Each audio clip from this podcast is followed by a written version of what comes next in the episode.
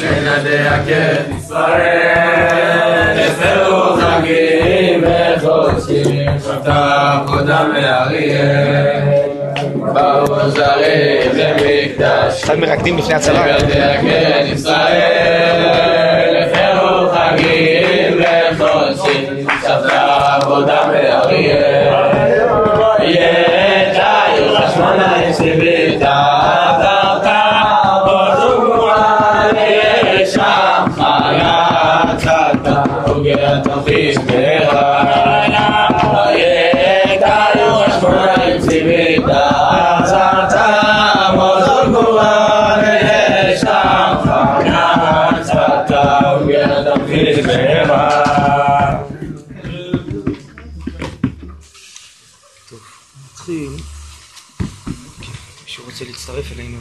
בשמיעה.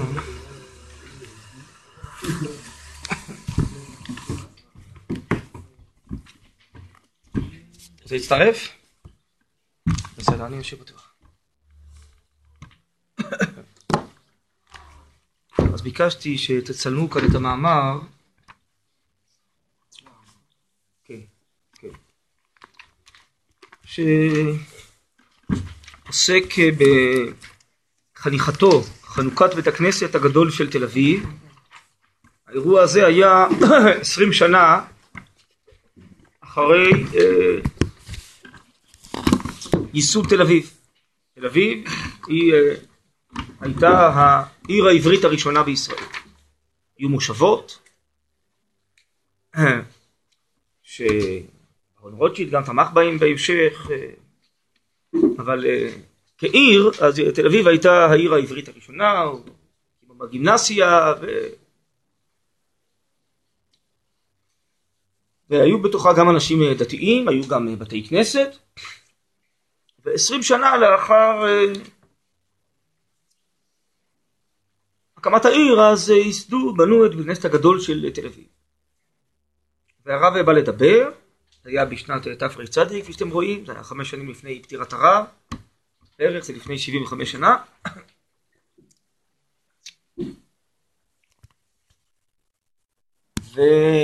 והרב מתייחס בכלל, מה זה בית כנסת אה, בעם ישראל, ואיך זה משתלב בתוך אה, התחייה, בתוך העיר העברית הראשונה, ומה המשמעות של זה שחיכו עשרים שנה עד שהקימו אה, את בית כנסת הגדול. גם לזה הרב מתייחס. אני חושב שהשורות עצמם ומבין השורות אפשר ללמוד כאן כמה וכמה דברים חשובים. ביחס של הרב לנושאים האלו שהזכרתי ונדמה לי שגם אפשר אה, להשליך את זה על כמה נושאים אה, אקטואליים של אה, ימינו. בואו נקרא ונראה למה נגיע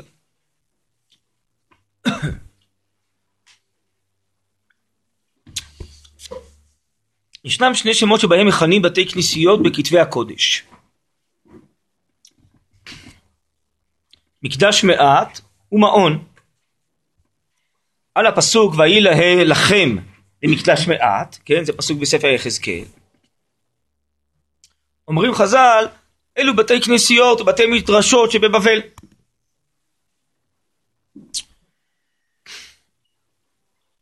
אז אם כן אין לנו בית מקדש, שזה נקרא מקדש מעט, אבל חז"ל אומרים זה שבבבל, על הפסוק מעון אתה היית לנו, כן? זה פסוק בתהילים, הם אומרים סתם אלו בתי כנסיות. הכוונה היא, אומר הרב, כנראה רק לבתי כנסיות שבארץ ישראל, הם נקראים מעון. מדוע? מה ההבדל? בתי כנסיות שבבבל הם רק מקדש מעט. ונבנו על תנאי. ובאופן זמני ועומדים הם להיקבע בארץ ישראל. הגמרא אומרת שעתידים בתי כנסיות שבחוץ לארץ להיקבע בארץ ישראל אולם בתי הכנסיות שבארץ ישראל הם מבחינת מעון שלם וקבוע. נכון שזה לא המעון הכי מקודש כי זה רק מקדש מעט בכל זאת אבל המקדש המעט הזה, שבחוץ לארץ זה תוארו, בארץ ישראל נקרא מעון. מעון זה נקרא, כן, בית קבוע לשכינה שמופיעה בו, במדרגה שמופיעה כיום בארץ ישראל. אבל היא במקומה, ארץ ישראל זה מקומה. כמובן עוד נגיע בעזרת השם לירושלים ולקדושת בית המקדש בירושלים, זה לא יהיה מקדש מעט, זה יהיה המקדש העליון, הנשגב.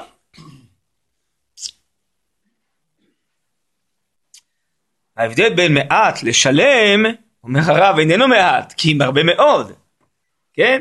זה נקרא מקדש מעט שבחוץ לארץ, כאן זה מעון, זה מעון שלם, במדרגה שלו, אבל הוא שלם המעון הזה. הראיה, כי הרי על האדם נאמר, ותחסרהו מעט מאלוקים, נכון? ככה הפסוק אומר בתהילים. במעט הזה הוא לאין חקר ותכלית. שהאדם יש הבדלה בינו לבין אלוקים, נכון? אז גם כשאומרים שהמקדש הוא מקדש מעט,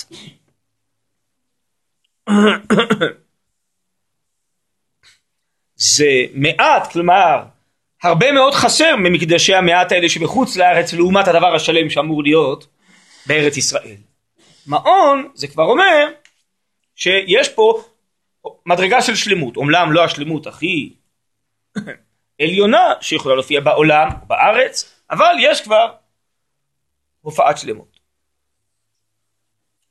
בעצם מה שהרב אומר פה שבחוץ לארץ זה על תנאי.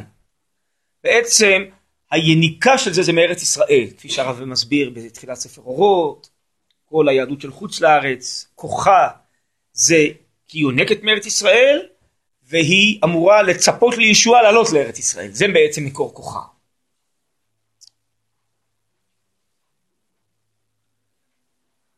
יודעים שהרב קוק במלחמת העולם הראשונה בעצם נתקע בחוץ לארץ, בשוויץ, ואחרי זה הוא עבר לאנגליה, ובאורות ארץ ישראל אז הוא הביא פסקה, בטח מתכוון שמה גם על עצמו, שמי שהיה צריך באונס אה, לצאת לחוץ לארץ, אז אם הוא כל כולו בצפיית ישועה, אז בעצם הוא שייך לארץ ישראל גם כשהוא בחוץ לארץ, כן? אבל הכוח המעמיד של יהדות בחוץ לארץ, אומר הרב, זה בגלל הצפייה לישועה לארץ ישראל. כי הקדושה, המעון, הקבוע, הנצחי שלה, זה רק בארץ ישראל. נכון? למדנו אה, שנה שעברה סנהדרין, כל אה, בתי דין שבחוץ לארץ זה רק שליחותה יוקב דינן של הבתי הדין של הסנהדרין שבארץ ישראל.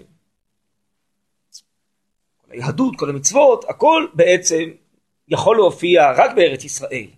בית מקדש, נבואה, שכינה, קדושת המצוות, הרמב"ן אומר על פרשת אחרי מותי רק בארץ ישראל. חוץ לארץ, אומר ירמיהו הנביא, הציבי לך ציונים, אומר הספרי שלא נשכח לקיים בארץ. ודאי שחייבים לקיים אותם מדאורייתא, אבל הקדושה יכולה להופיע רק בארץ ישראל. אז ממילא זה נקרא על תנאי, שבינתיים עם ישראל בגלות, אז צריך שיהיה בתי כנסיות, כמו שאומר הכוזרי. בסוף מאמר ראשון צריך מקום שיתקבצו הקהל לעבודת השם, אבל זה על תנאי. זה ארעי, כן, זה לא קבוע, וגם את כל כוחו הוא יונק בעצם מארץ ישראל. טוב, ומשום כך, מסיים פה הרב את הפסקה הראשונה, גדול ערכו של הבית, הגדול הזה, שאנו מחנכים כיום, שישמש למעון של קדושה, תורה ותפילה לעיר העברית הזאת. הגדולה לאלוקים. למה הרב השתמש בביטוי הזה שנאמר על ננבה? כנראה בגלל ריבוי האדם, כן? כמותי. זה עיר גדולה, זה לא איזה מושבה קטנה. ואתם יודעים שגם כשהרב עשה את הסיורים שלו במושבות הוא ידע בדיוק שחלק מעובדי האדמה במושבות הם מה שנקרא מחשבים את עצמם לחופשיים הם לא שומרים על כל התורה ומצוות הוא גם ידע שככה זה תל אביב, העיר העברית הראשונה, יש לו אגרות חריפות נגד הגימנסיה, שחינכו שם לביקורת המקרא ולהשכלה ולכפירה, הוא יודע בדיוק מה זה תל אביב, העיר העברית הראשונה. אבל זה חידוש עצום אחרי אלפיים שנה שיש עיר עברית ראשונה בארץ ישראל. אנחנו בונים את החורבות ואת השממות כפי שכתוב בנביאים, תמיד רבנו הרב צודה היה אומר שבנביאים לא נאמר קודם כל שיקימו ישיבות וכוללים. קודם כל נאמר שיבנו החורבות, יהיה קיבוץ גלויות ויהיה פריחת הארץ, קץ מגולה, והערים יטיפו עסיס, ויהיה ילודה, כן? ילדים וילדות משחקים ברחובותיה, וזקנים יאריכו טובה מרוב ימים, יהיה חיים, נחזיר חיים לארץ ישראל, לנו ולארץ.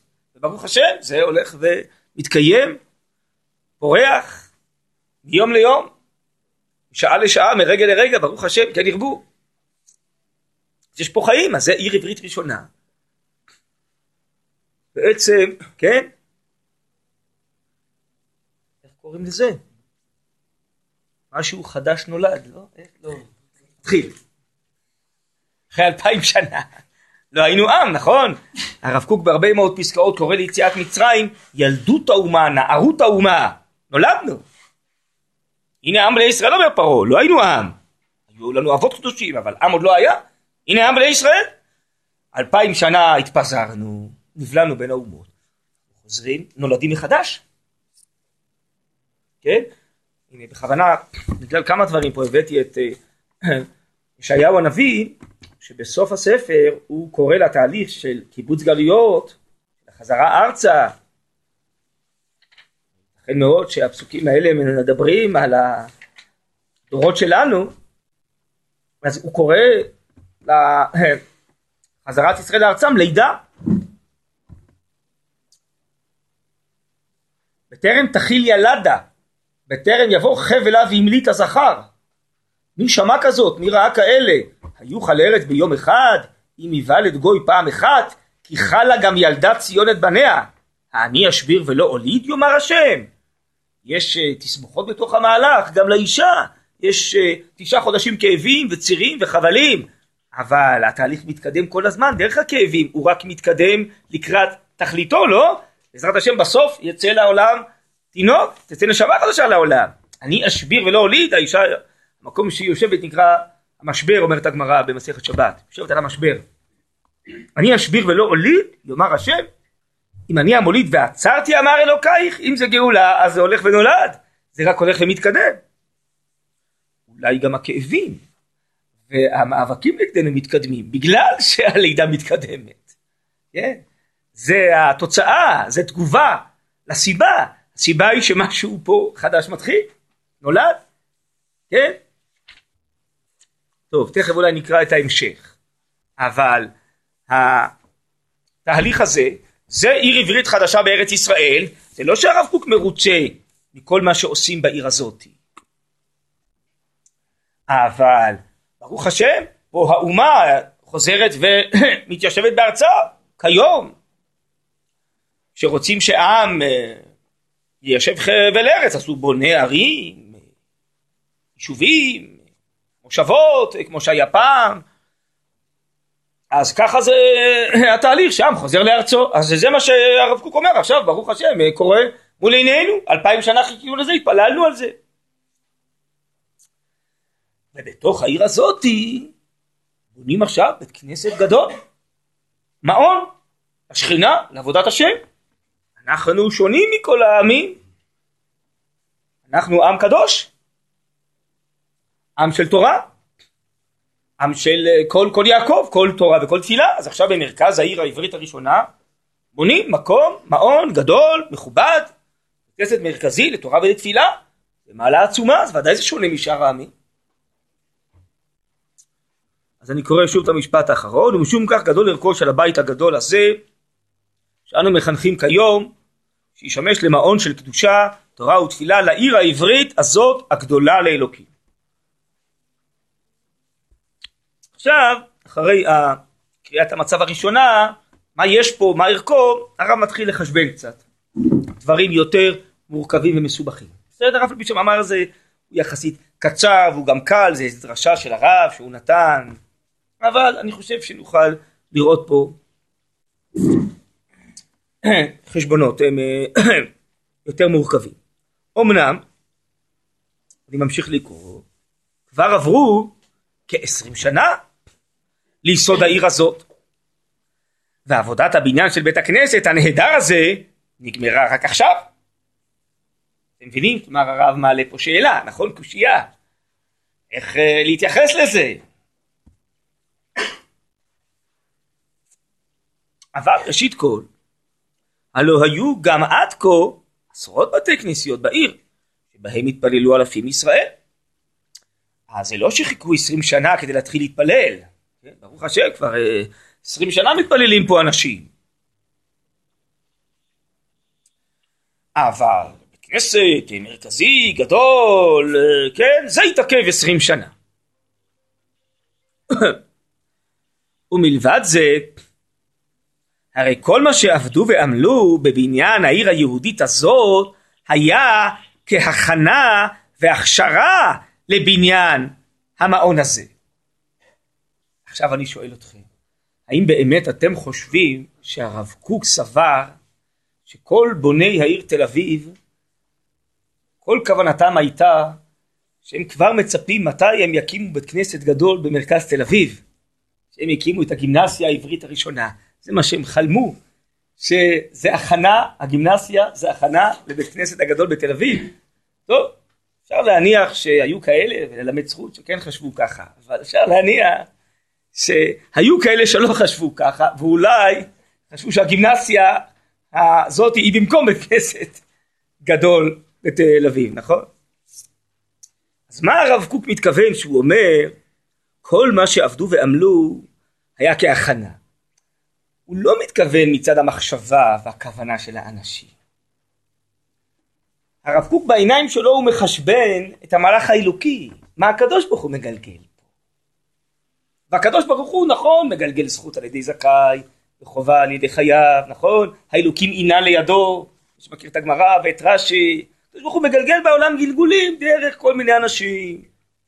כן, מישראל ולהבדיל שלא מישראל, דרך כל מיני עמים, וכל מיני אירועים, נכון? יש השגחה כללית, השגחה פרטית, אומר הרמח"ל.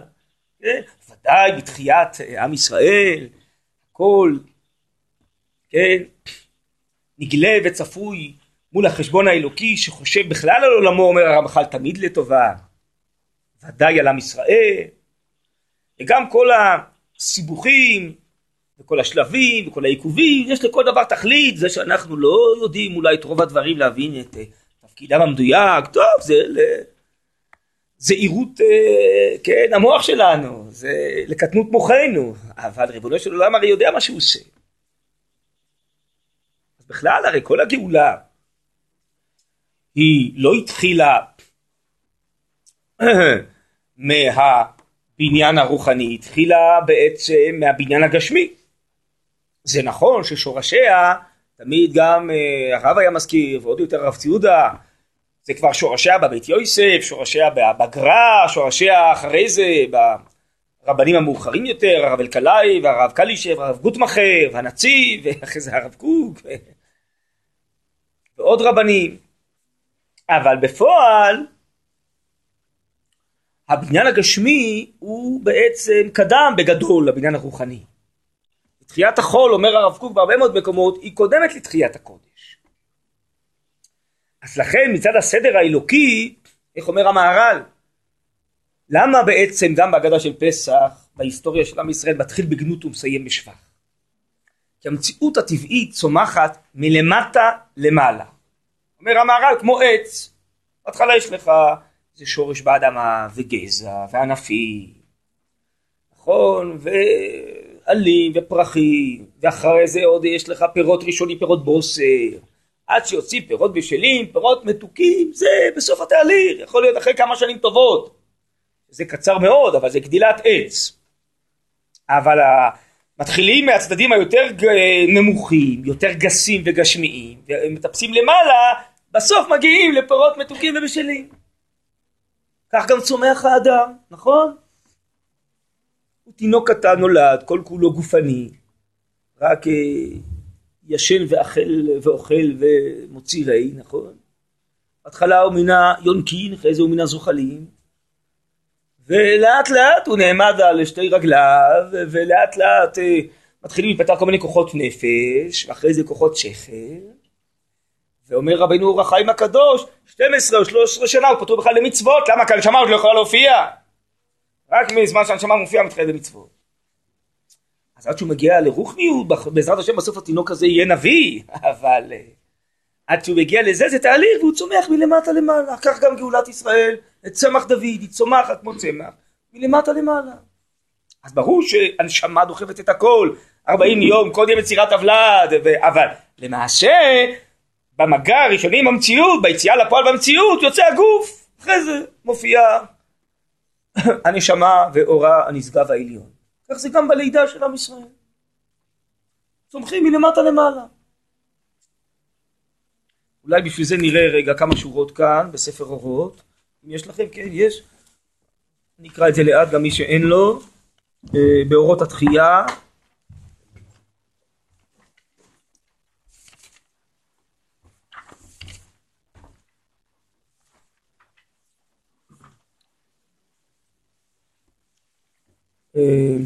ל"א זה עמוד ע"ט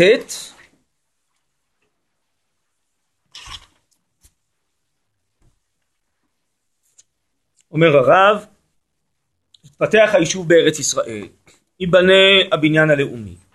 מתוכו יפוח רוח גדול, נשמת האומה תתעורר לתחייה, מעומק טבעה תכיר את כל מהותה, מעוצם כוחה תכונן את סדרי חיי העצמיים. מה זה סדרי חיי העצמיים של האומה? זה המצוות. מאיפה היא תדע את זה? מעצמיותה. אבל קודם כל היא צריכה להיות אומה. שיהיה קיבוץ גלויות, היא צריכה לבנות את ארצה ולחיות ביחד, ואז מתוכה תצא העצמיות הטבעית, הצמאון והתשובה לתורה ומצוות. הרוח המיוחד של האומה יכונן אמונת השם אלוקי ישראל בעולם, ואין צריך לומר בקרבה פנימה. אבל ממה יתחיל התהליך? יתפתח היישוב בארץ ישראל, ייבנה הבניין הלאומי. עיר עברית ראשונה בארץ ישראל. יסללו כבישים, ייבשו ביצות, יעשו חומה ומגדל, יזרעו בשדות, יהיה קצת מה לאכול. לאט לאט הרוח הפנימית תצא לפועל, אבל זה לא מתחיל מזה. זה מתחיל מהגוף הגשמי, ולאט לאט מתוכו יפוח רוח גדול, נשמת האומה תתעורר לתחייה, כמו בגדילה של בן ובת, שרק אחרי שנים בעצם הנשמה מתעוררת, והרוחניות מתעוררת. ואז האומה תכיר מי היא ומה סדרי חיי העצמיים שהיא חייבת לשמור מצוות כמו בן ובת בגיל 12 או 13 ששם מתחייבים במצוות. רק האומה תגיע לזה, תהיה תשובה מהכרה, תשובה מאהבה עוד ועוד עד שכל האומה כולה תקבל על עצמה מלכות שמיים והיא תדע שהיא עם אלוקי, עם קדוש, היא לא כמו שאר העמים. אבל זה לא יהיה השלב הראשון, זה יפוח מבפנים. קודם כל ייבנה הבניין הגשמי. אני חושב שלזה מתכוון פה הרב, אני לא רוצה להאריך יותר מדי עכשיו בנקודה הזאתי, כי אצל הרב יש המון המון פסקאות, גם באורות, גם במקומות אחרים שהוא עוסק בחשבון הזה, מה קודם למה. אבל אני חושב שלזה הרב מתכוון, אני אקרא את השורה הזאת עוד פעם, ומלבד זה, הרי כל מה שעבדו ועמלו בבניין העיר היהודית הזאת, ותשימו לב שהרב התחיל בעיר עברית ראשונה, נכון? שזה השם שבעצם אה, הציונות נתנה לתל אביב. עיר עברית ראשונה, רצו להקים בה תרבות עברית חדשה בארץ ישראל. הרב אבל לא קורא לה עכשיו עיר עברית שהוא בא להסביר מה שהוא חושב, הוא קורא לה, שימו לב, נכון? עיר יהודית. כי אצלנו הטבע שלנו זה יהדות, כל הכופר בעבודה הזרה נקרא יהודי, איש יהודי. היהדות ואנחנו, אומר הרב ואורות זה אותו דבר, היהדות הפנימית שלנו זה הנשמה. אז אנחנו יהודים, בסדר? אני חושב שבכלל כשקוראים את הדברים של הרב קוק, בעיקר כשהוא פונה לציבור, מכתבים כאלה, אה, או שמתקצרים איזה נאום שלו, או באגרות שהוא כותב לאנשים, מלבד התוכן, צריך גם כן לראות איך הרב מתייחס, מה הוא אומר, מה הוא לא אומר, באיזה סגנון, באיזה שפה, כי זה גדול שימושה יותר מלימודה, זה לא רק התכנים עצמם, זה הרבה שימוש, בעצם לראות מה הרב מדגיש, כן, הוא יודע הרי לפני מי הוא עומד, ובכל אופן הוא רוצה להדגיש דבר מסוים, ולא דבר אחר, ולפעמים בציבורים אחרים הוא אומר דברים אחרים. זה המון חשבונות שכדאי לחשבן אותם. כן, הרב ציודה כותב בהקדמה לאגרות, גדול שימושה יותר מלימודה. כל אחד אה, לפי אה, מי שהוא כותב עליו, צריך לראות למי האיגרת מכוון, לפי זה אתה גם מבין, כי בא לו שמוע עומד מול עיניך, מה הוא כותב, לא לכל אחד הוא כותב את אותם דברים, בכלל לא. אז גם פה, כן, הרב התחיל מהביטויים שאנשים מכירים, עיר עברית ראשונה, אבל הרב עובר, אני חושב, לביטויים שלו. לא? מלבד זה, אחרי כל מה שעבדו ועמלו בבניין העיר היהודית הזאת, כן, זה מצד האמת האלוקית, זה לא בהכרח שהם חשבו שזאת עיר יהודית דווקא, כן? כן, מצד האמת. אבל אני חושב שהרב מדבר למושגים של השומעים, מה נמצא אצלם בתודעה. אז הם קוראים לזה עברית, אני קורא לזה יהודית. ולכן גם המשפט הזה שכל מה שהם עבדו זה בשביל זה, זה לא מה שהם התכוונו. הם התכוונו לעיר עברית, אבל הקדוש ברוך הוא גלגל על ידיו שתיבנה פה עיר יהודית. בסדר? וממילא בסוף, אחרי שיבנה הבניין, נגיע לשכלול הפנימי, אז יופיע בכנסת גדול. אז אני גם יכול להבין בעצם שהעיכוב הזה לקח עשרים שנה, כי זה כמו בונים בחול ואחר כך מקדישים, כן? נבנה הגוף ומתוכו, כמו שהרב כתב באורות, הנשמה אה, מתעוררת. אז עוד פעם, מלבד זה הרי כל מה שעבדו ועמלו בבניין העיר היהודית הזאת, היה כהכנה והכשרה לבניין המעון הזה, כן? עכשיו הרב מגיע, אני חושב פה, להערה מאוד חשובה. ועכשיו הוא מסביר שזו ההסתכלות שלו. בואו נקרא את המשפט הבא.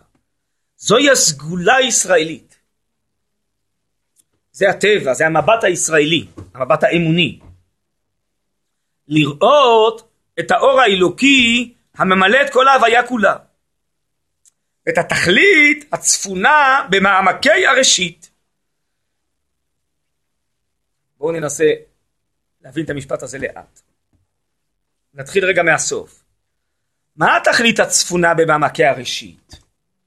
אומר הרב זה שתהיה עיר יהודית. בסוף ייבנה פה בארץ ישראל ממלכת כהנים וגוי קדוש. אבל אותה תכלית הייתה צפונה, מה זה צפון? כמו בהגדה של פסח צפון, זה לא גלוי, נכון? זה צפון עמוק עמוק, גנוז באיזשהו מקום, נכון? אבל זה כבר היה בראשית, אבל לא בצד הגלוי של הראשית, אלא במעמקי הראשית, נכון? למה? כי זה התכלית האלוקית. זה כמו שהתינוק נולד, אז תכליתו לא להישאר כל הזמן לזחול על הרצפה ולאכול ולשתות כמו בעל חי. תכליתו בסוף להיות תלמיד חכם ולהיות אדם קדוש ונביא, נכון? אז התכלית צפונה כבר במעמקי הראשית, אבל היא עוד לא גלויה, היא רק צפונה, נכון? אז אומר הרב, העיניים הישראליות זה מה שהן רואות. הן לא מתפעלות רק מהשטח הגלוי. הן מנסות לראות מה צפון בשטח הגלוי. כי עין בעין יראו, לכוון את העין, הרב צ'ודה אומר לנו, לכוון את העין שלנו לעין האלוקית. מה הקדוש ברוך הוא מגלגל בתוך המהלך הזה? מה רואים? זה כולם רואים, זה לא צריך להיות אה, חכם גדול ולא פרשן גדול לראות מה רואים. אבל מה עומד מאחורי זה? מה הכוונה האלוקית שבכל זה? זה אילולי התנ"ך, חז"ל, ראשונים, אחרונים, הרי לא היינו יודעים, היו תחו עינינו מראות כמו כולם. העיניים החושיות האנושיות הרי לא יכולות לראות יותר. אבל הנבואה, כן, רוח הקודש גילתה לנו שיש פה מגמות אלוקיות, שהעולם נברא בשביל תכלית, לא מה תכלית העולם, בשביל מה כשהוא ברא את עולמו, בשביל מה הוא הוציא את עם ישראל ממצרים, בשביל מה הוא מחזיר אותנו ארצה, הרי יש פה סיבות לכל זה. הוא מגלגל את זה דרכו מיני מהלכים. אז עכשיו אני חוזר לתחילת המשפט, זוהי הסגולה הישראלית. לראות את האור האלוקי לראות, אבל לא ראייה חושית, ראיית השכל. מה זה אור אלוקי? אור אלוקי זה האור שנברא בראשית העולם, לא ביום הרביעי, שנגנז לצדיקים לעתיד לבוא. האור הכוונה היא זה המחשבות, המגמות האלוקיות. האור האלוקי זה המחשבה האלוקי, זה לא אור פיזי. זה להבין מה הקדוש ברוך הוא חושב, בשביל מה הוא מגלגל את כל זה. זאתי הסגולה הישראלית לראות את האור האלוקי הממלא את כל ההוויה כולה. אנחנו טבולים בכל ההוויה, כל העולמות, כל ההוויה, ממלא כל עלמין, סובב כל עלמין, הקדוש הוא נמצא בכל. מחשבתו, השגחתו נמצאת בכל. בכל הברואים ובכל התהליכים האנושיים, בכל הטבע, בכל ההיסטוריה. ודאי וודאי בתהליכים שהאומה הישראלית עוברת, נכון? אז לראות את האור האלוקי וממלא את כל ההוויה כולה, ואת התכלית הצפונה במכה הראשית, זאתי הסגולה הישראלית. מה הרב מתכוון במשפט הזה? הוא בעצם מבאר את המשפט הקודם, ומה שקודם לו. כלומר, יש מציאות טבעית, יש עיר עברית חדשה, ובנו בה קודם כל את כל ענייני החול. בסדר. אבל זה שאחרי עשרים שנה בנו את אה, בית כנסת הגדול, אז העין האנושית הרגילה, טוב אומרת, אה, בסדר, יפה, וחבל שזה יתעכב כל כך הרבה זמן. סגולה ישראלית אומרת, לא, יש פה איזה מהלך אלוקי, זה כבר מראש היה צפון. כל הגאולה, כל החזרה ארצה, כל הייבוש מצור זה כדי שהשכינה בסוף תחזור, כדי שבסוף ייבנה גם בבית הגדול, את המקדש. זה גם צפון בראשית המהלך של הציונות, בית המקדש בעזרת השם שייבנה, ומשיח שיגיע. וגם בעיר העברית הראשונה, כן, בתכנון שלה, ולפני עשרים שנה שהיא קמה, כבר היה נעוץ העניין הזה, החשבון האלוקי, שבסוף ייבנה בית כנסת גדול. והעיר תהיה עיר שבמרכזה יש בית כנסת גדול ויש יהדות. אבל מי רואה את זה? מי מבין את זה? מי יודע להגיד שכל מה שעשו היה הכנה לעניין הזה? זה לא המחשבה הגלויה ולא המבט הגלוי של האנשים, זה הסגולה הישראלית רואה את זה. זה מי שמתרגל לראות האור האלוקי שדוחף את כל המציאות, הטבעית וההיסטורית, בוודאי הלאומית. בשביל זה רציתי לקרוא לכם פה את המשך הפסוקים כאן בישעיהו הנביא. תראו, יש פה דבר מעניין. אחרי שהנביא מתאר את הלידה של הגאולה, הוא אומר, פסוק י', שמחו את ירושלים וגילו בה כל אוהביה, שישו איתם משוש כל המתאבלים עליה. הגמרא דורשת על זה מי יזכה לראות בשמחתה, מי שיתאבל עליה. המלבים אומר שמחה זה אה, התחדשות תמידית של דברים טובים, ששון זה דברים ש... אה, גילה זה דבר שמופיע בהפתעה, ששון זה ביטויים חיצוניים שאנחנו עושים מתוך השמחה, שאנחנו רוצים להראות את uh, השמחה. אחרי זה כתוב, אבל פסוק י"א, למען תינקו ושבעתם משות תנחומיה. הבניין זה תנחומים לכל מה שהיה בגלות, לכל הקשיים והחורבן. אז אתם תינקו ותשבעו, כן, מהשפע הטוב האלוקי שיופיע עכשיו. הפסוק מסיים, למען תמוצו והתענגתם מזיז כבודה. הרי ביטויים של הנביאים זה מין כאלה משלים וזה דברים עמוקים. תמיד אנחנו מבינים את זה בשפה שלנו. אתם תמוצו, תמצצו ותתענגו ממה? מזיז הכבוד של ירושלים, כן? הכוונה פה בעצם ירושלים, כל ארץ ישראל פה נקראת ירושלים בעצם. כה אמר השם, פסוק י"ב, הנני נוטע אליה כנהר שלום וכנחל שוטף, כבוד גויים וינקתם, על צד תנשאו ועל ברכיים תשועשעשו, כאיש אשר עמו תנחמנו, כן אנוכי אנחמכם, וירושלים תנוחמו, וראיתם ושש לבכם, ועצמותיכם קדשת תפרחנה, ולהודעה יד השם את עבדיו וזעם את אויביו, וכולי וכולי וכולי. אני חוזר לביטוי הזה, למען תמוצו והתענגתם מזיז כבודה. מה זה זיז כבודה? אז רש"י מבאר פה ככה,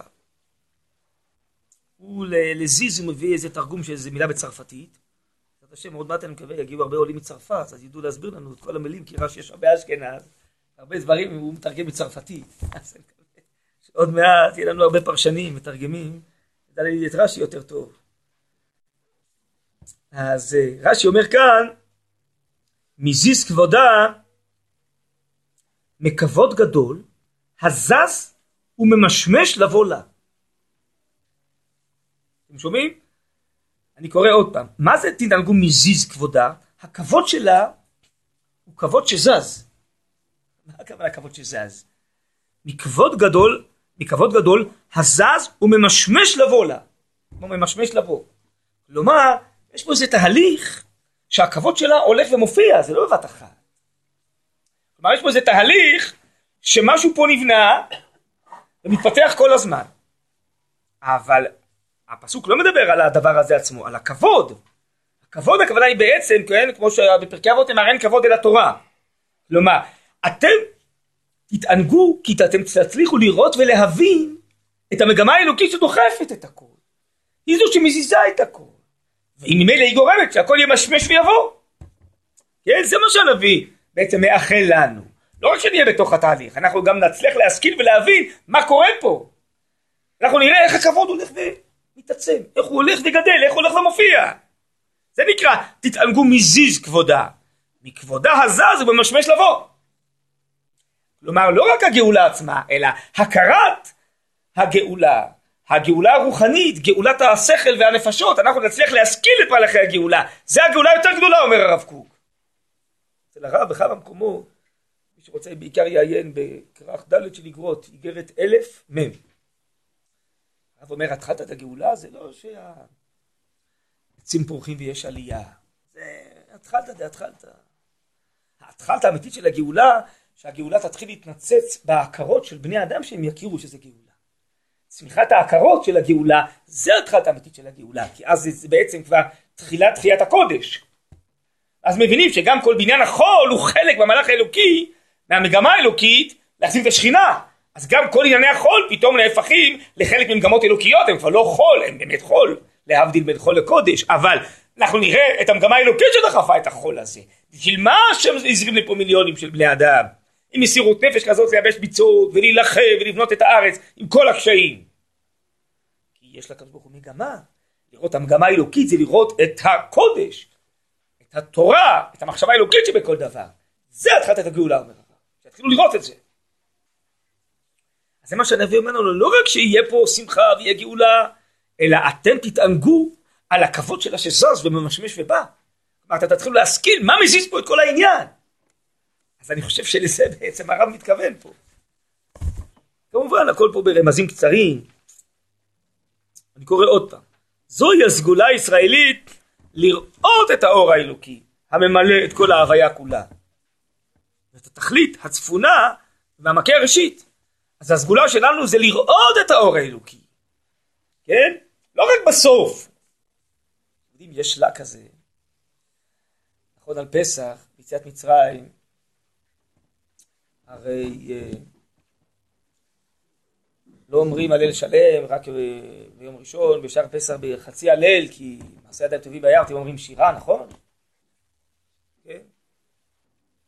אז ההבנה הפשוטה שלנו זה ידיים טובים בים, עם כל זה שיש פה רישאים וצריך לאבד אותם, אז אתם שמחים, אתם אומרים שירה, תגידו חצי הלל, נכון? אבל לשלה יש פירוש אחר. כן? פירוש הפוך מההבנה הרגילה. זה, הברקה מיוחדת. הוא אומר, באברהם אבינו נאמר, והאמין בהשם ויחשביה לא צדקה. נכון? להגיד בבוקר חסדיך, אמונתך בלילות. יש כאלה שגם בעומק החושך הם מאמינים, מה זה להאמין? האמונה זה הכרה, זה הכרה עמוקה. שהוא רואה את האור האלוקי גם בחושך. הוא מאמין בהשם שהשם לא עשה סתם חושך. מהחושך הזה יצא אור. הירידה לצורך עלייה.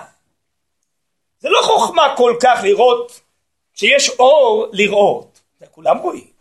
החוכמה היותר גדולה זה לראות את זה כבר בחושך. מתחיל בגנות ומסיים בשבח, כבר בתוך הגנות לראות המלאך האלוקי, עוד לפני שהשבח יצא והגיע. נכון? על זה מברכים הנותן השכבי בינה. שכבי, אומר רש"י, זה או הלב או התרנגול. נכון? אז מה, לתרנגול יש בינה? אולי לפי דרווין, אבל אנחנו לא מאמינים בזה. אז מה זה נותן לשכבי בינה? אלא מה, התרנגול הזה, המשיגנר הזה, כולם ישנים באמצע הלילה, הוא כבר מתחיל לצעוק. מתחיל לקרוא, הבוקר הגיע, מה בוקר? תצא, תסתכל, כל חושך. לא רואים אפילו קו אחד שלו. לא, לא, הוא כבר חש. יש לו בינה. הוא מבין דבר מתוך דבר. הוא כבר חש, עוד מעט, עוד מעט, האור מתחיל. כן? הוא, יש לו איזה בינה מיוחדת לשכל. כן? אז גם הלב שלנו הוא כזה. כן? זה גאולת אסתר לומדים מזה. נכון? איילת השחר. כן? שגם בתוך החושך כבר האור מתחיל להתנוצץ. איילת אה, השחר זה גאולת אסתר. טוב. בקיצור, אמונתך בלילות. המאמינים הגדולים, צופי הישועה, הם גם בתוך החושך, הם יודעים, זה לא סתם חושך. כי הקדוש ברוך הוא זרק אותנו, כמו שהנוצרים אומרים. הקדוש ברוך הוא עושה גלות כדי לזכך, להכשיר אותנו, כדי להחזיר אותנו לגאולה. אם אנחנו עולים, והארץ נבדל קודם כל גשמית וחומרית, זה לא סתם, זה כנראה בסיס והכנה למשהו, שעתיד לצמוח, ואם יש קשיים וסיבוכים, זה לא סתם, זה כנראה שזה סיבה, זה חלק מהמהלך. ככה מאמינים מסתכלים על המציאות. אה, לא, זכרתי למה אמרתי את זה, בשביל להסביר את השלב. אז השלב אומר, באברהם אבינו נאמר, שהשם הבטיח לו שיהיה לו בן, והאמין בהשם יחשבה לו צדקה. אבל זה בכלל לא היה מציאותי, נכון? אבל הוא האמין בהשם. מיד שאמרתי הוא האמנתי. ואתם? רק עכשיו, כשמעשה ידיי טובים בים, עכשיו נזכרתם להגיד שירה? לא כשהוצאתי אתכם ממצרים והבטחתי לכם? עכשיו אתם אומרים שירה? למה לא אמרתם קודם, בסדר? כשמעשה ידיי טובים. אז זה כאילו מין טרוניה כזאת. אנחנו רגילים להגיד לא, הוא מצטער. זה בדיוק הפוך אומר השלה. הטרוניה היא לא היא כלפי עם ישראל, למה נזכרתם? הייתם צריכים להגיד שירה ולהאמין בי כשהוצאתי אתכם מצרים והמצרים רדפו, אז מה הם רדפו? מה אתם מתפללים? מה, הם מתפללים מהם? אתם לא יודעים שהשם איתכם? אז מה הם רודפים? עוד פעם, תגעו בים? אז מה, מה אתם מתפעלים מכל מה שקורה מסביב? אז מה אם אומות העולם בוטשות מסביבכם? ויש מלחמות, ויש מדינות ערב, ויש פלסטינאים מנוולים. נו אז מה? מה, אתם לא רואים שהקדוש ברוך הוא פה עושה איזה מהלך? שיש פה איזה לידה? אז מה אתם מתפעלים מכל מה שמסביב? כן? אז המצרים רוצים, נו, מה אתם כל כך מפחדים מהם? עכשיו נזכרתם להגיד שירה? ככה אומר השלה. אז אני חושב שזה מה שהרב בעצם מתכוון לומר פה, כן? הסגולה הישראלית, היא רואה את האור האלוקי שצפונה כבר במקרה הראשית, היא לא מחכה. הרי בסוף, סוף מעשה מחשבה תחילה, נכון? יש מחשבה תחילה, מתי היא מופיעה? רק בסוף מעשה. טוב, אז כשזה מופיע בסוף כולם רואים. אבל מי שהחכם ועיניו בראשו, אז הוא כבר רואה את המחשבה תחילה שנעוץ בעומק הראשית, אומר הרב, נכון? אז מי שהוא רק בעולם החוש, הוא רק רואה את זה בסוף, שזה יצא לפה על החושי. ומי שחכם, כבר רואה את זה לפני זה, נכון? איך קוראים למיילדת? איך קוראים לה בחז"ל, אתם יודעים? איך קוראים לה? חיה, זה נכון. ויש עוד שם. חכמה, למה היא חכמה? מה, יותר חכמה מאחרים? למה? כי זהו חכם הרואה את הנולד. נכון? הוא לא מחכה לסוף מעשה, הוא צמוד למחשבה תחילה. הוא רואה בבהירות מה עומד לצאת. והוא עוזר לו לצאת, הוא מיילד אותו. זה חוכמה, זה חוכמה אמיתית. לא כמו החוכמה של היום, זה הכל אינפורמציה וידע וזה, מה שרואים. נו בסדר, מה עוזרים לנו? כל המזרחנים, כל ההיסטוריונים וההיסטוריוסופים. מה הם מסבירים לנו כבר הרבה שנים? יש שיעים וסונים, שיעים וסונים, שיעים. בסדר גמור, הבנתי, נו בסדר, אבל מה הלאה? מה הם עכשיו ועכשיו ערבים השיעים והסונים? לא רבו לפני עשר שנים, לא לפני עשרים שנה. מה קורה פה? תסבירו משהו. אף אחד לא יודע, כולם פחו את הראש שלהם בקיר. לא יודעים להגיד יום קודם שמחר דאעש יעלה, שמחר החמאס יעלה. איפה אתם כולכם? טוב, זו המחשבה האנושית לא מסוגלת להזכיר את זה. זה שייך למחשבה האלוקית. זה שייך לאור האלוקי שהרב מדבר פה. זה שייך לאור הנבואה ורוח הקודש, שאין לנו היום. זה שייך לצפיית הישועה לאמונה, שלפחות אנחנו יהודים, זה מהלכים אלוקיים, גם אנחנו לא יודעים בדיוק מה הקדוש ברוך הוא עושה בכל מהלך. אז זה מה שהרב מתכוון פה. אור אלוקי כבר נעוץ בהתחלה, כן? זה לא אור החושים והשכל הרציונלי. זה לא יודעים הרבה. יודעים להסביר מה קורה עכשיו. אבל למה קורה עכשיו? לאיפה זה מוביל? מה התכלית? מה המגמה שמשתמשת דווקא ברוע ובסימוכים כדי בסוף להוציא את הטוב? זה עמוק מאוד, זה מעל השכל הרציונלי האנושי. זה אור הנבואה ורוח הקודש, או אור הסודות יכול להסביר לנו. טוב, בואו נמשיך הוצאה. משום כך, כתוב בתורתנו, בראשית ברא אלוקים. בתחילה נזכרה בריאת העולם, ואחר כך שם אלוקים. כן? למה לא כתוב אלוקים ברא בראשית? נכון, הרי ככה החכמים שם, שתרגמו את התורה ליוונית, הם שינו, הם הפכו. למה הם הפכו? כי הם הבינו שהשכל האנושי מחפש אה, להבין קודם כל מי ברא. אז הוא אומר, אלוקים ברא בראשית. בראשית ברא אלוקים, אז אתה עוד יכול לחשוב, לא, שבראשית ברא את אלוקים, לא. נכון? איך אומרים היום, איך אומרת הבדיחה היום? רק בראשית ברא את אלוקים, השאר made in China. נכון? טוב, אבל זה בתרגום הזה המילולי. למה אתה משאיר את שם אלוקים להמשך? למה לא אמרת בהתחלה שם אלוקים? ברור שהכל אלוקים, מה השאלה? החכם שעיניו בראשו, המאמין, הרואה את האור האלוקי, הוא רואה את הכל, ברור שהכל אלוקים עושה. מה השאלה? אם אני לא אומר לך אלוקים, אלוקים, אלוקים, אז זה לא אלוקים? אם אומרים לך ייבוש ביצות, זה לא אלוקים. זה לא הוא נותן לך כוח לעשות חיים, אומרים של צה"ל עשה מבצע, זה לא אלוקים. כל דבר צריך לשים לו כיפה על הראש, ואתה לא רואה שהכל זה אלוקים. מי מגדל את העצים? לא אלוקים מגדל את העצים, הם גדלים לבד. מי מעלה את השמש במזרח? לא אלוקים. מי עושה את כל התהליכים האלה? לא אלוקים, ברור שהכל אלוקים. טוב, אז בואו נקרא את זה בפנים. שום כך כתוב בתורתנו בראשית ברא אלוקים. תחילה נזכרה בריאת העולם, אחר כך שם אלוקים, כי כל הבריאה כולה מספרת כבוד אלוקים, וגם כשאין מזכירים את שמו יתברך, תכף, ברור שהוא יתגלה אחר כך. ברור, למי זה ברור? למי שמאמין בהשם.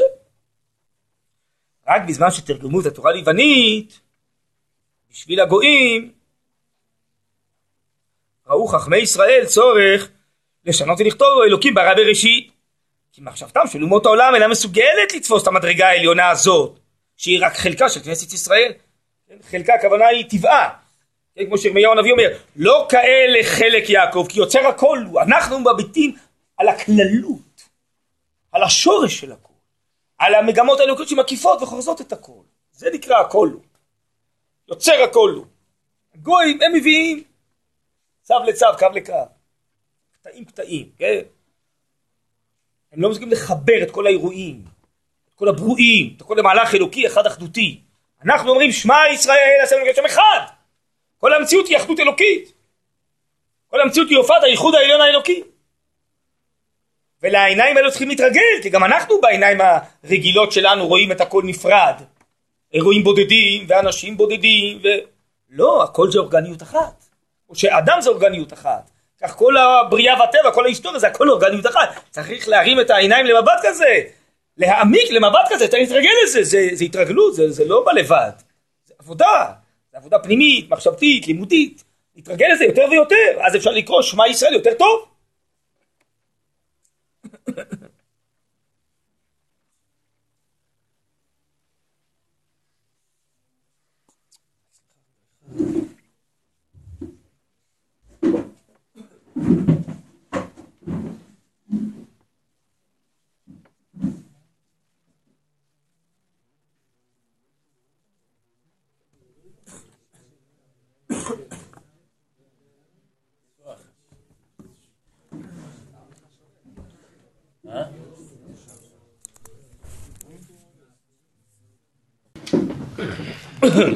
כן.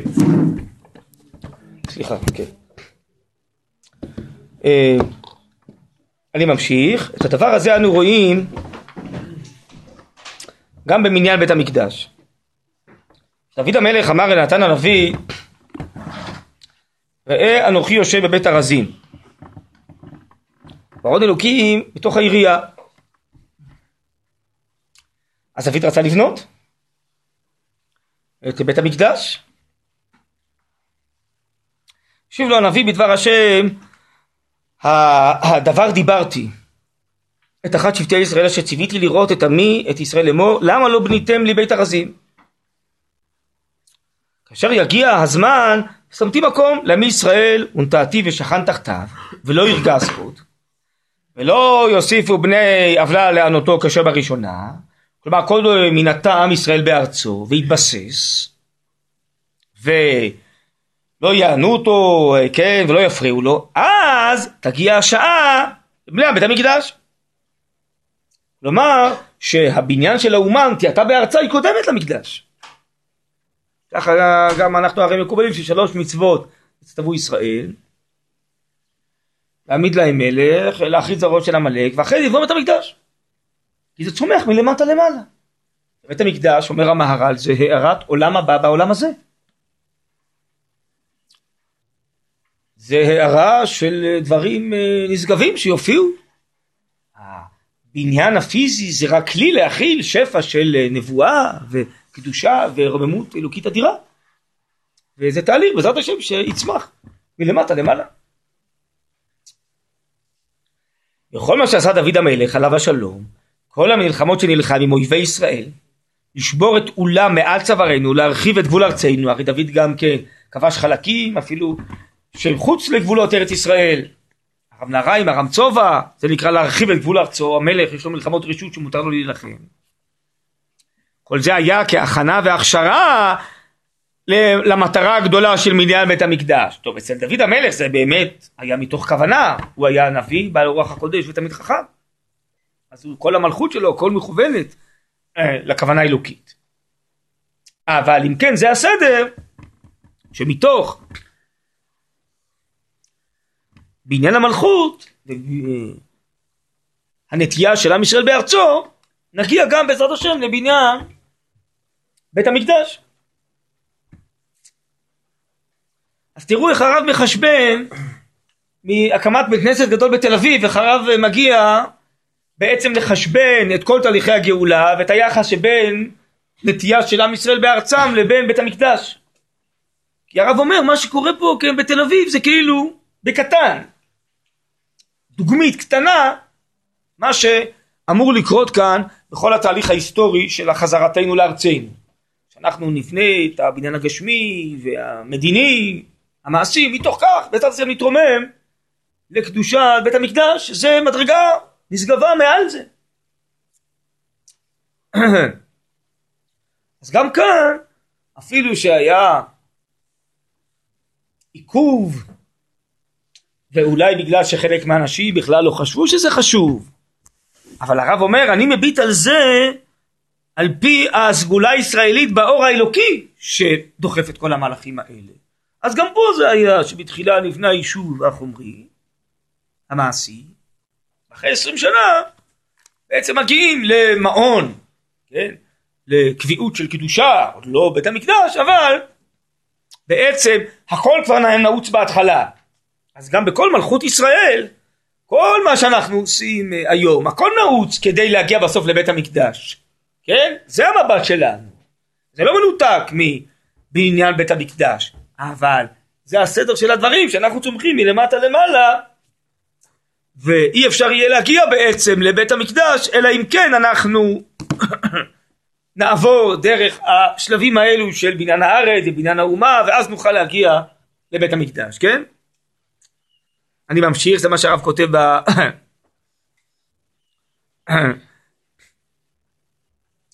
משפט הבא. וגם עכשיו זכינו לראות בראשית הגשמת יהודי נביאינו ורבבות מאחינו נקבצים לארצנו לבנות שוממותיה ולקומם הריסותיה. וגם הקימו את העיר הגדולה הזאת כן שהיא תפארת לארצנו לישראל את תל אביב הרי ברור שכל העבודות האלה הן מכשירים והכנה לקדושה הגדולה שעתידה להתגלות כאן במהרה בימינו. הקדושה הגדולה זה לא מקדש מעט, כן? זה הקדושה הגדולה זה קדושה בית המקדש. בעזרת השם. היא תופיע זה לא רק יהיה בית כנסת גדול בתל אביב, זה יהיה בית כנסת הכי גדול בארץ של בית המקדש, כן? בניין אלוקי.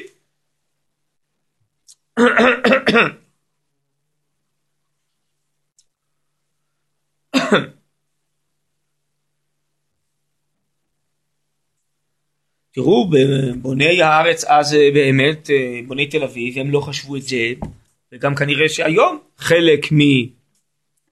אה, שהם גרים בתל אביב או מנהיגים את תל אביב הם לא חושבים ככה. אז מה? אז הם לא יודעים את כל המהלך האלוקי הזה, הם לא זכו ללמוד את ישעיהו הנביא וללמוד את אה, דברי חז"ל וללמוד את הרב קוק, בסדר? נדלג לרב קוק. אז הם לא יודעים כל המהלך האלוקי הזה לראות בעין שלהם את העין האלוקית, נו אז מה? אז לכן זה לא באמת מה שקורה ומה שיהיה, זה כן. כי זה המהלך האלוקי, זה המהלך האלוקי שהוא קורה בגדול בעצם בכל הארץ.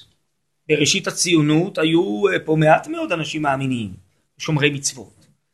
זה ברור שבאופן אה, סטטיסטי אז אה, כל הזמן יש יותר ויותר אה, אנשים מאמינים וחוזרים בתשובה ועוד ועוד בתי כנסת וישיבות וצמאון רוחני אדיר שממלא שוטף את הארץ. זה ברור שזה צומח ועולה כל הזמן גם כן מלמטה למעלה.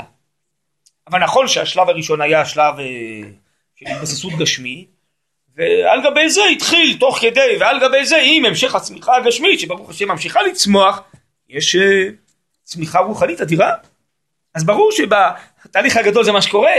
הרי חששו מהציונות, להתחבר אליה יראי השם, אמרו, uh, הם רוצים להקים תרבות עברית חדשה בארץ ישראל, אז זה יגרום להם ש... זה יגרום להם uh, בכלל, עוד למי שיראה השם, ש...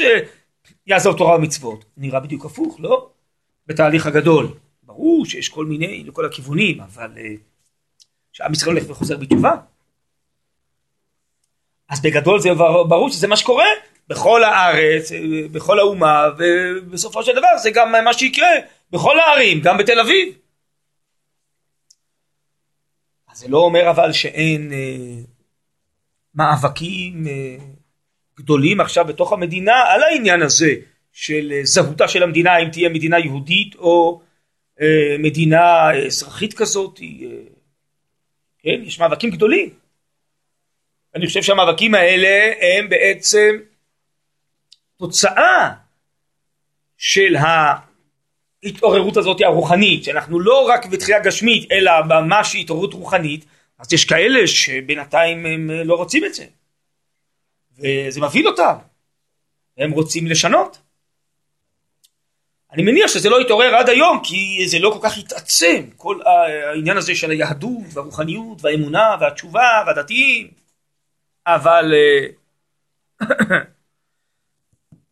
אבל זה שעכשיו זה בעצם אה, במאבק גדול, אני מניח שזה בעצם תגובת נגד. בגלל שמכירים וחשים שמשהו מתפתח פה כל הזמן. זה בעצם אה, תגובת נגד למשהו, למשהו הזה שהרקוק מדבר עליו, שאור השם, המהלך האלוקי, בעצם דוחף את הכל כל הזמן, אז אם כן כל הזמן זה נדחף כלפי מעלה. באמת, יש עוד אה, אה, כמה שבועות איזה דיון בבג"ץ על הנושא הזה של פתיחת עסקים בתל אביב, כן, ועושים על זה מאבק, כי זה יכול להיות פרצה לכל הארץ, גם אה, על תל אביב. רוצים אה, שיהיה מותר לפתוח אה, בתי עסקים בשבת, בעצם עיריית תל אביב רצתה לתת אה, אישור בתי עסק שלהם לפתוח. אז בעצם התעוררה התנגדות וזה עבר לשר הפנים, בקיצור זה עכשיו, יש מאבק כזה ציבורי, מאבק... אז אם כן, אבל אז המציאות הזאת, מה שהרב קוק מדבר פה, זה לא מה בני אדם כולם חשבו אז או מה שחושבים היום. אבל הרב לא מתפעל מה שחושבים. זה אני חושב מה שחשוב לקנות את העין הזאת. איך הרב כותב באורות, הרב כותב הכפירה זה רגעי ברגעי התולדה. תולדה זה היסטוריה. זה תהליך כזה, זה, זה מחלה. ונגד הטבע של עם ישראל יש כפירה. טוב, נו, מחלה תעבור. מה זה רגעי ברגעי התולדה? מאה שנה? 200 שנה, לא יודע כמה זה ככה הוא יחליט. אבל, אה, אומר הרב, לא צריך להתפעל מכפירה. זה לא הטבע שלנו. אז אה, גם פה, אני משוכנע שגם כשהרב נשא את הנאום הזה, הוא ידע בדיוק אה, שלא כולם, גם אלה שהשתתפו בהרצאה הזאת שלו, בפתיחה הזאת, או בכלל בתל אביב חשבו כמותו, ובכלל רצו שיהיה בית כנסת גדול, ו... הם חושבים שזה מכין אה, כל מה שהיה לבית כנסת הזה. אבל הרב אומר את האמת. הרב אומר אני בעצם אה, מנסה אה, להסביר מה שהסגולה הישראלית רואה, את האור האלוקי שרואים פה, שמתנוצץ והולך ודוחף כל הזמן. אני מסביר את האמת. אולי יש כאלה שבינתיים לא רוצים את האמת הזאת, או כאלה שלא רואים אותה, מתנגדים לה, טוב, כל אחד לפי הנפשיות, הפסיכולוגיה שלו, אבל אני אומר את האמת. האמת היא שעכשיו האור האלוקי הזה דחף את כל המהלך הזה.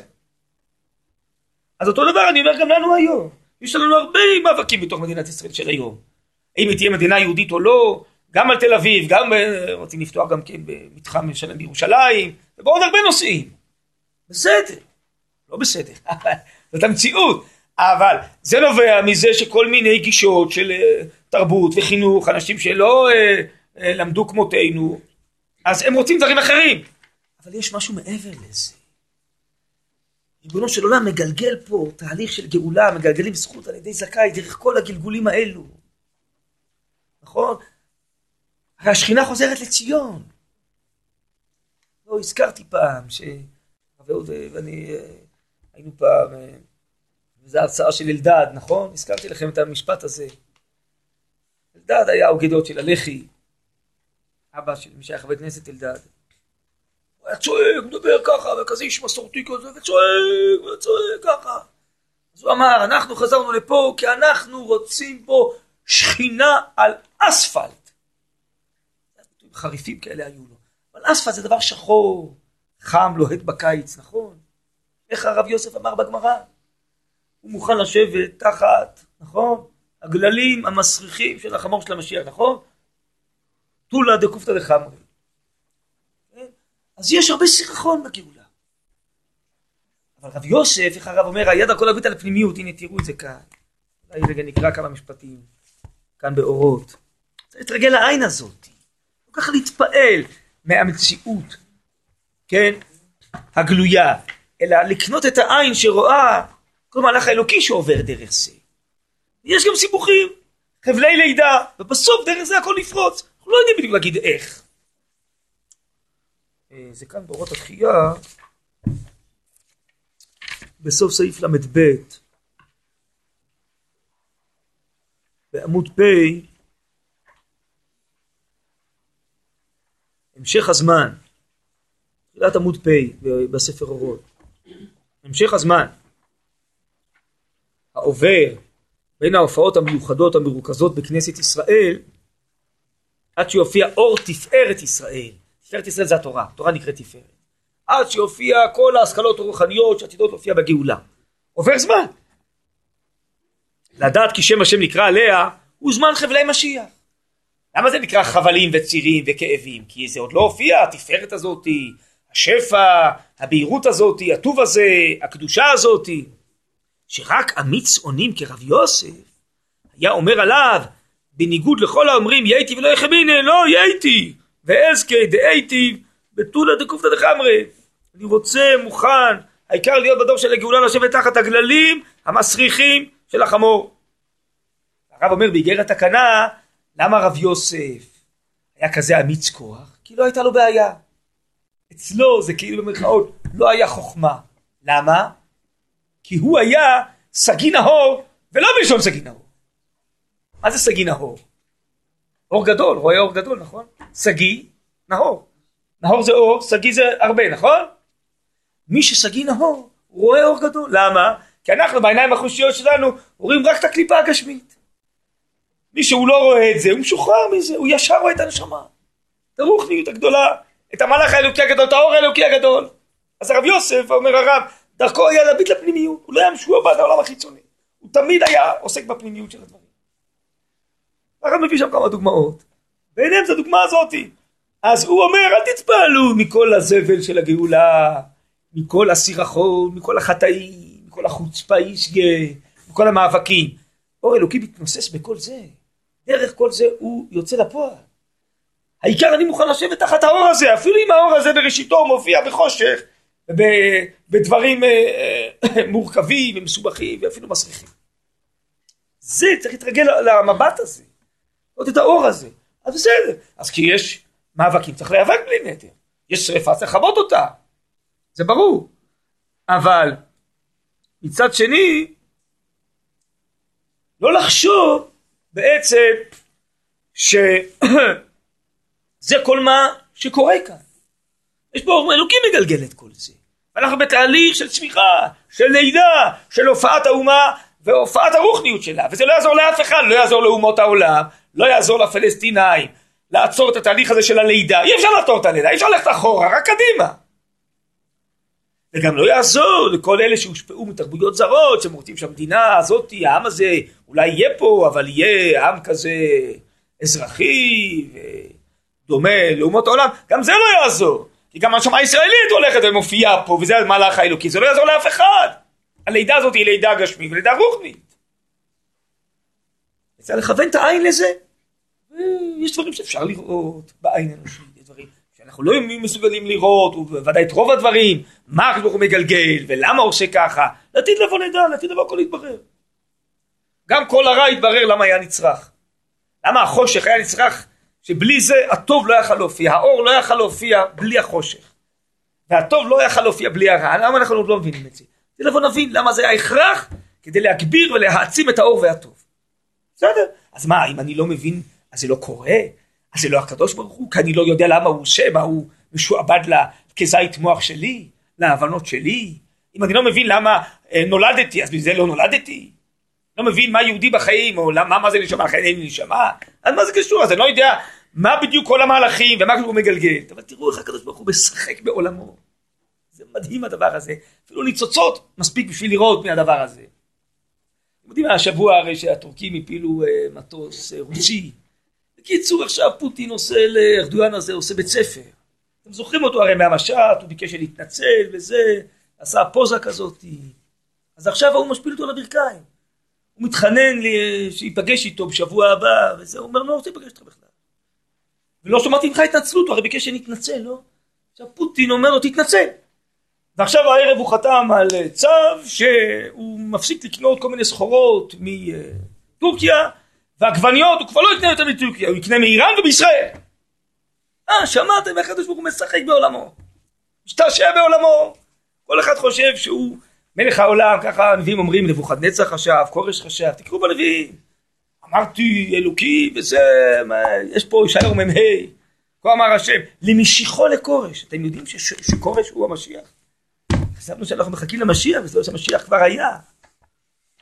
כך אומר ישעיהו הנביא, תראו, פרק מ"ה.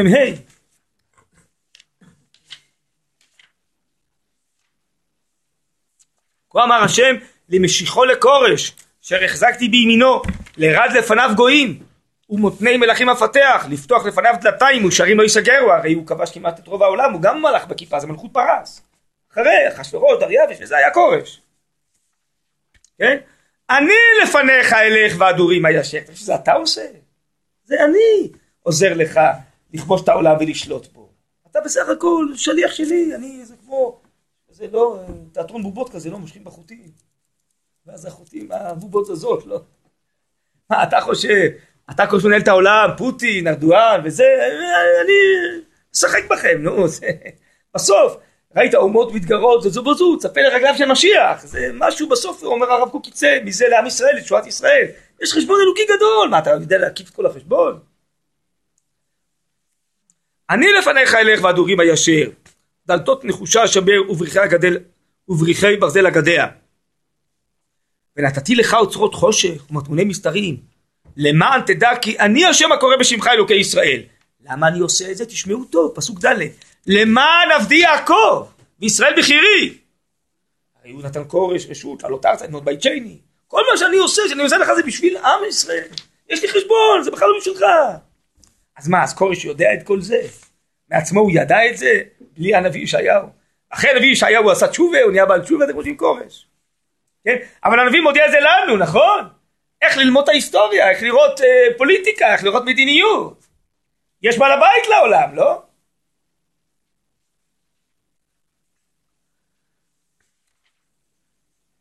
ואקרא לך בשמך, בשמך, אכנך ולא ידעתני.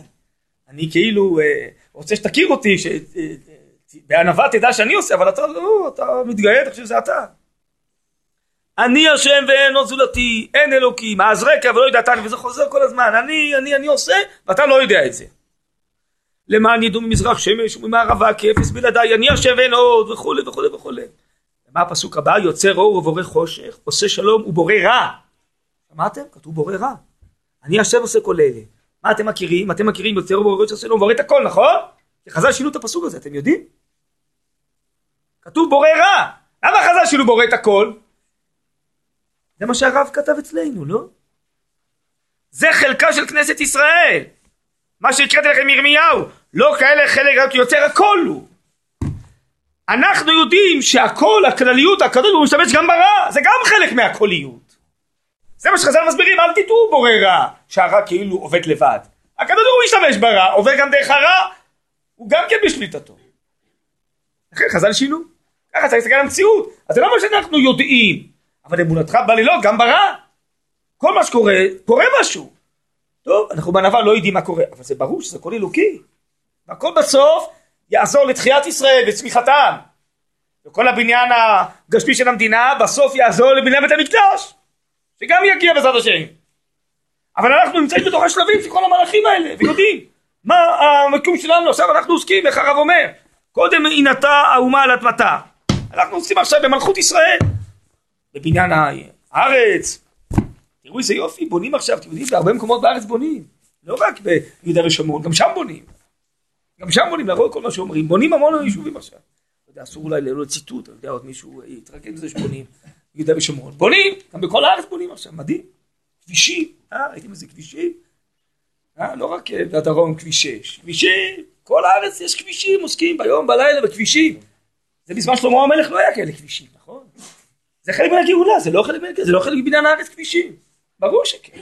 זה לא בוראתם אותם וישבתם בה, ברור שלזה התכוון הרמב"ם, שזה המצווה. איך עם שולט בארצו, שיש דרכי תעבורה טובים, אם אפשר לזוז ממקום למקום, זה לא נקרא שכמהלך בתוך שלו, אה, זה לא חזוקה, אפשר ככה לכבוש את הארץ. ברור שזה חלק מן הגאולה. הכל זז כל הזמן.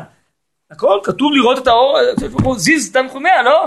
הוא מזיז כל הזמן, הכל זז. בעניין הגשמי, הרוחני, הכל זז, וגם המאבקים זזים. החיצוניים והפנימיים, הכל זז, הכל מתגבר. עם אומות העולם ובתוכנו מאבקים פיזיים, פוליטיים בינלאומיים ומאבקים רוחניים, הכל זז כל הזמן. ככה צריך לראות את זה, כי האור האלוקי מזיז, שום דבר לא עומד על המקום, וזז בקצב, קצב אדיר, זה מה שהיה פעם לוקח מאה שנה, היום לוקח פחות או יותר שבוע. זה משהו, זה קצב אדיר של הגאולה, זה נקרא, אני מזכיר את זה כל הזמן, שמיציאת מצרים עד הקמת בית ראשון, לקח 80 אה, ו-400 שנה, חצי אלף. מה אתם רוצים? כמה שנות ציונות בסך הכל יש לנו? זה זז בקצב אדיר היום. אבל זה, אנחנו רוצים את העין הזאת, ככה לראות את המציאות, גם מה שקורה בתוך המדינה. כן, קרוב אלינו, וגם מה שקורה בעולם כולו, קורים דברים, משהו משתנה.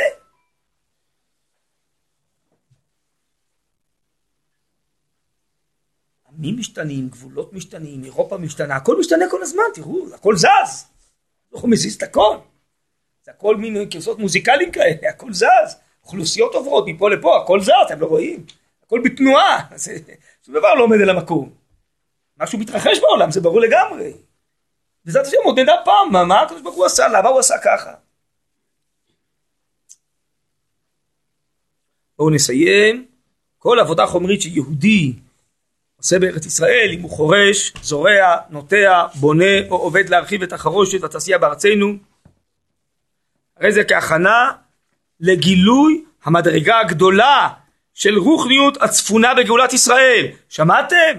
אבל אותו אחד שחורש ונוטע הרי הוא לא אמר לשם ייחוד, הוא לא מתכוון לגילוי המדרגה הגדולה. בסדר, אבל זה מה שיהיה בזכות זה שהוא מיישב את הארץ, התלמידי חכמים ישכילו השכלות יותר עליונות. בזכות זה שהאומה בארצה חוזרת לפה קדושת המצוות, הרי זה מה שהרמב"ן אומר. עם ישראל בחוץ לארץ, אין קדושת מצוות. אז חוזרים לפה מיליונים של יהודים, חלקם לא שומרים מצוות. אבל הם גורמים שאחרים ששומרים מצוות, קדושת המצוות שלהם יותר עליונה. כי השכינה חוזרת, השכינה היא בליבות בני ישראל אומר אורח חיים. המחברת הכללות של השכינה חוזרת. כי היהודים מתלקטים וניצוצות הקדושה מתלקטות אומר אורח חיים, אומר המלבי. אז מי שעוסק פה בתורה ומי שמקיים מצוות יש לו יותר השגות בתורה ויותר בגלל שיש פה יותר מיליונים של יהודים שלא יודעים כלום. ככה זה עובד, זו אורגניות אחת. כתוב הרי שרבי ג'רה התענה 40 יום, נכון? לשכוח תלמוד בבלי. נכון? למה? כי זה השגות אחרות, הוא לא רצה את השגות של חוץ לארץ. שקימו שמונה תלמודה של בבל, הוא רוצה השגות של ארץ ישראל. זהבה רצה איתו ואין תורה כתורת ישראל. אז הוא מתענה לשכוח להתחיל מחדש. אז אם עולים לי פה עוד מיליון יהודים, צריך ללמוד את הש"ס מחדש. זה ש"ס אחר. מה זה ש"ס? ש"ס זה התגלות הקדושה הישראלית. זה קדושת האומה ש"ס. אם יש פה עוד מיליון, הרי מה, עוד מעט יהיה פה רוב יושביה, יהיה שמיטה דאורייתא, לא? היום שמיטה דרבנן. כל הפוסקים אומרים, יעלו פה רוב ישראל, יש שמיטה דאורייתא. מה שמיטה דאורייתא?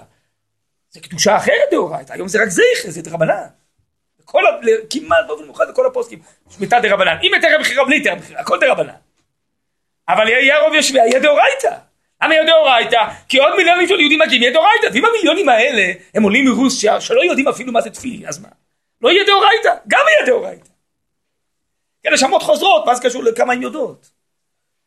הניצוצות של השכינה מתכווצות לפה, אז יהיה דאורייתא.